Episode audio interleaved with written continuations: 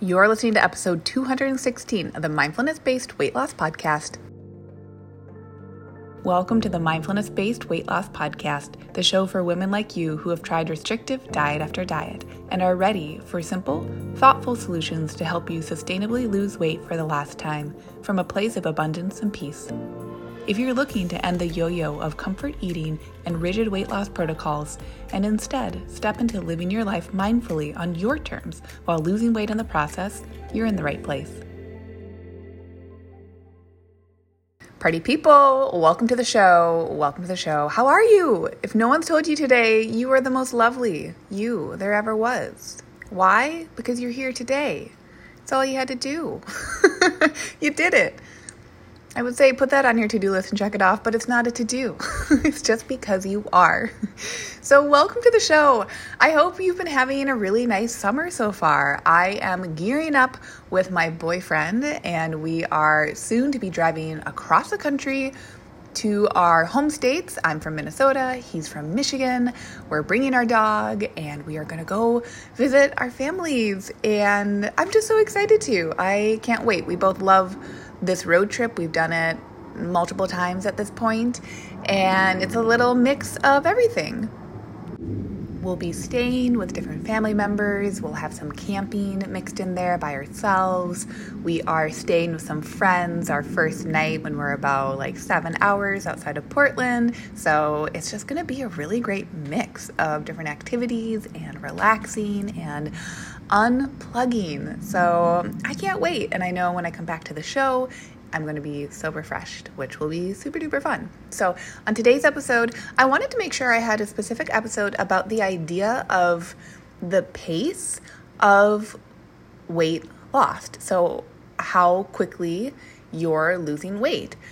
What I think is very common in the just the way that a lot of people talk about their weight is that the weight gain or loss or maintenance is all just kind of happening to them.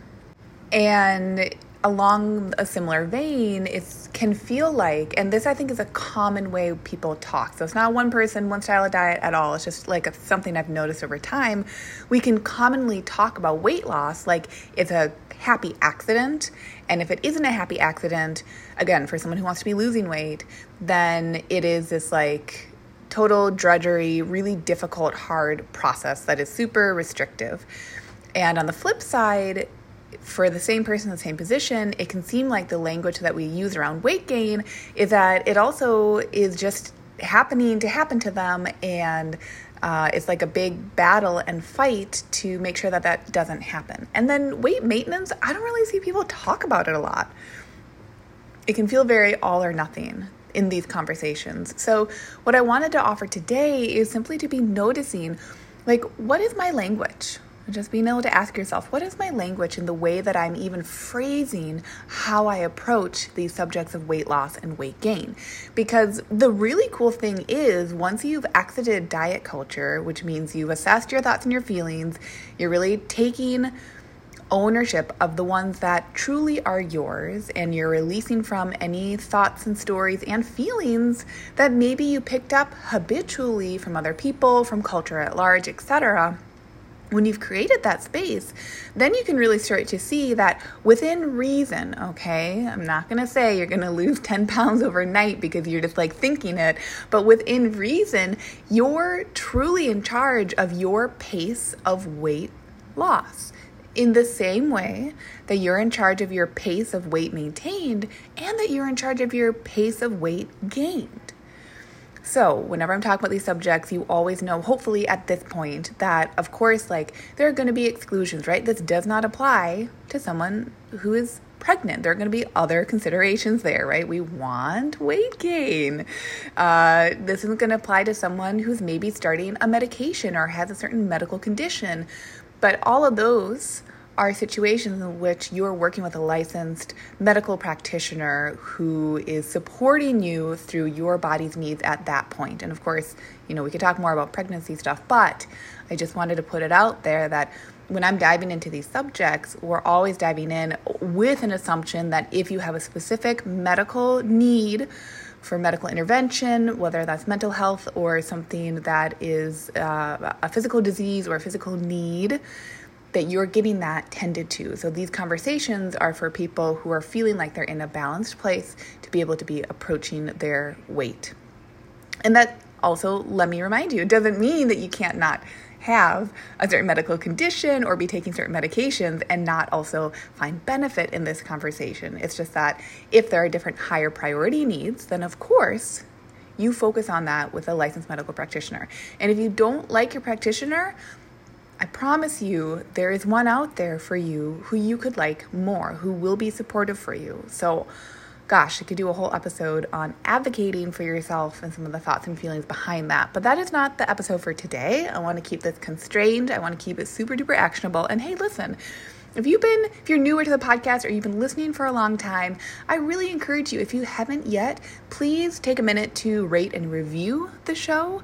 Um, take a minute to take a screenshot of this episode and post it on social media or send it to a friend of yours or family member you being able to spread the word of what we talk about on the mindfulness based weight loss podcast goes such a big way and like makes such a beautiful ripple effect for this message, particularly the message of really I feel and see it as like just coming into ownership over yourself. And none of that weird intense American like like super duper almost like too much rugged individualism. Like, this is truly just like, okay, the stuff that I do have say over, I'm going to practice my ownership with and then allow the like fruits of my labor to be able to be enjoyed. So, weight loss pace, what do I mean by that? What I mean is that when you're losing weight in general, like in Lean and Liberated, just to give people general kind of like bumper guardrails, I say it in but in general, if you're following consistently the approach, which for the most part is making intentional food deci- food decisions and then feeling your feelings and allowing them to come and then go, you'll be losing about in general, right? This is not, I can't make this claim, but in general, what I notice is about a half pound to two pounds per week until you hit your goal. What decides that pace is you. And it's not just you in a vacuum, it's you advocating for and starting to take action on the habits that contribute to your life instead of taking away. And that truly, you know, if we really boil down what dieting is, dieting is just giving yourself a really rigid set of structures that someone else gave you that you decided to take on. And that, for the most part, when people are dieting, they're having to set their life aside, right? You're not eating out, or you're not eating a certain type of food that you could actually tolerate, or there's just some sort of structure or set of structures that are more intensive than how you'll be living your life in the long term. And so when we're looking at separating out dieting from achieving weight loss, because they're two different things, right? How many times have you done a diet and maybe you've lost some weight, but then the weight comes back? Or you've done a diet and you haven't lost weight, right? Dieting and weight loss are two different things. So when you start to parcel out, okay, what is the dieting behavior and what are the behaviors that actually allow me to consistently lose weight, what you're going to find and what my clients find is that they actually realize, OMG, I'm in the driver's seat of how much weight per week generally I'd like to lose. Now, if we translate that into very actionable, tangible, like dialogue, what that means is that they're deciding, even without tracking calories or logging calories, they're deciding, oh, in general, there's a certain level of a caloric deficit that I enjoy being in where it is adding to my life. I'm not missing out on the things that I value. I'm not missing out on, on the, the actions that help me live a really authentic life. It's actually contributing to my life. So, that certain caloric deficit, again, we're not tracking. I just, I feel like I have to bring up calories more and more because I want us to have calorie awareness and to have calorie comfort. Calories are not good or bad. And if calories is a word that has a lot of uh, motion tied up in it for you, try on energy. That's all we're talking. Calories are just a unit, a measurement of energy. That's it. So we're looking at that, okay, consistently, not even day to day, but more like week to week in general what we're doing when we're losing weight is that we're deciding what is that energy deficit that I am intentionally deciding that is offering a rate of weight loss in which I value. Because for sure, a lot of people could do the really restrictive diets where there is a dramatic drop in weight, but are they really learning how to then sustainably keep that weight off? No, you're, you're just not going to. And for some people, if that's what works for them, awesome. But if you're listening to the show, I'm going to go out on a limb and assume that that isn't really what worked for you when you were looking to lose weight in the past, maybe right now, and you're looking for something different.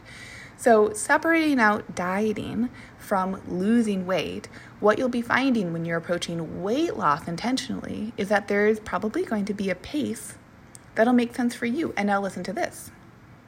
This is just how radical we get here your pace might change season to season. Take, for instance, I have one of my clients right now who is choosing very intentionally to be maintaining her weight this summer. Like, do you hear that? Ah, she has more weight that she said she's like she would like to lose, but she knows that that intersection of living her life authentically and really enjoying her life, that what works best for her, what she will value the most, is a summer where she is intentionally choosing to take in energy in a way that is offering her body a maintenance of its own energy stores. And one of the best ways to understand what your preferred pace of weight loss is in the same way that, let's say, you wanted to gain weight, you might have a preferred pace of weight gain. There might be a certain amount of total energy intake that is most comfortable for you that would be different than the amount where you'd be maintaining. So, for a weight loss pace that makes sense for you, whether it's in this season or it's in a different season, right? You might be like my client who's listening to this information, taking it in, processing, feeling your feelings, thinking your thoughts, and really realizing, oh my gosh, I actually I want to maintain for right now. Maybe you want to gain too, but I would say most people here. this is me trying to be kind, like always. I always want to be inclusive, so hopefully you know me by now. Like y'all just you gotta do what you gotta do. Like no one's telling you to do any. Well, diet culture is sure telling a lot of us to do a lot of things. But here in this space, in these communities around this house, let's say, you do you, boo. So you might find in these conversations around weight loss and weight gain that actually what is most liberating for you, meaning it aligns the most with your values, it aligns with how you want to be feeling in your life, you might be finding that your weight loss pace is a pace of zero zero pounds lost week to week, month to month, when you're intentionally showing up to a maintenance phase. Now, the way that you can create a, a weight and energy deficit is going to be behavioral, especially when you're not tracking. Again, we don't track in Lean and Liberated. What we do is we make intentional decisions ahead of time about the meals and what's composing those meals and why we're choosing that just aligns with our own values. So it's a living, breathing, moving thing, and we're deciding not a week ahead of time. So it's not really like meal prep necessarily, although some people like to include meal prep. It's way more about like, all right, tomorrow, what am I eating? Like, how am I taking care of myself? What do I know? Like, what are my non negotiables? If I totally know my lunch, but maybe dinner is flexible. Like, what do I write down that supports me so that I know by the end of the day, I've aligned with my plan. And if I chose intentionally to deviate from my plan, what did that then teach me? So we don't use deviations from the plans or exceptions or whatever word you want to use as a bad thing. We use them to gain more clarity. You might find that with making a plan, maybe lunches come really easily, but during the summer, dinners feel a little bit more loosey goosey. And you might enjoy that, right? That intersection of you diving more deeply into your values might not be, God, I got to figure out how to have a really rigid uh, and super structured dinner. Your flexibility and your values aligned action might be interesting. I know that the dinners during the summers that actually make me feel my best just include at least one vegetable and then that becomes part of your plan. Do you see how you get to flip diet culture on its head and just like give it a kiss and say goodbye? Bye. Just tuning into yourself it stops being about any of the influencers and what they're eating or the special uh, new superfoods or any um, menu planning beyond just what lights you up. Or if you're in family and community, what lights you up in community with other people, where we just like we exist in these intersections in all these different places in our lives. And so I think we get to honor and appreciate those instead of trying to overpower them, which again is what strict restrictive dieting typically does is that it overpowers the ability to say yeah i want to go get ice cream on a friday night it overpowers like yeah i'm going to choose to have a margarita or a beer at this you know at this time like it it overpowers even the conception and idea oh, I make decisions for myself. I am in charge of putting food into my mouth and putting beverage to lips, you know? really, we really flip it and we say, and I know myself best. I might try different structures, I might try different things, I might be open to new experiences, or I might be the person that has the set amount of foods that I enjoy. And listen, I, as in Lucia, think that that is really, really powerful. I think it's hugely powerful. And so this week, I want you to be thinking about if you are losing weight, what's your pace? You get to decide it. Now, here's at the beginning of the show, I said within reason. so, a pace that is beyond, depending on the person, more than a handful of pounds per week typically is, is uh, going to make it more difficult to ensure a nice array of vitamins and minerals and cofactors and antioxidants and all the goodness that we enjoy from our foods. So, really, you get to start to question yeah, within what is truly aligned with my values, what is that pace? And when you identify that pace, that pace is to help you tune into yourself more. Notice if you weaponize the pace, because if you are doing that, I just want to say weaponizing a tool against yourself is diet culture. So we can offer ourselves some um, thought work around that if you're really noticing that no matter what tool you're grabbing for, if you end up using the tool against yourself, all that means it's not good or bad. Again, none of this is good or bad. All it means is that oh, this is a place. Uh, oh, this is a place for reflection. Isn't it so interesting that I'm using a tool against myself? Isn't it so interesting that I'm trying to abdicate responsibility to the tool versus allowing myself to use a tool to then understand myself better. And if you want to like a visual for that, it's like using a needle when you're embroidering. And if you put all the power into the needle, if the needle breaks, then you're going to say, There's no way I could embroider ever again. Versus if the needle breaks, you say, Well, of course, I'm the embroiderer. I'm doing the embroidering.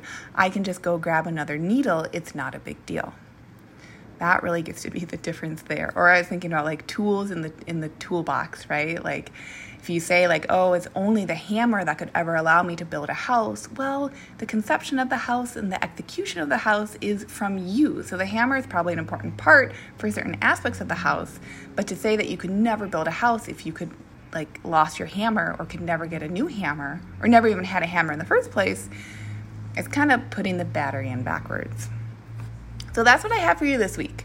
Is really thinking about what is my weight loss pace.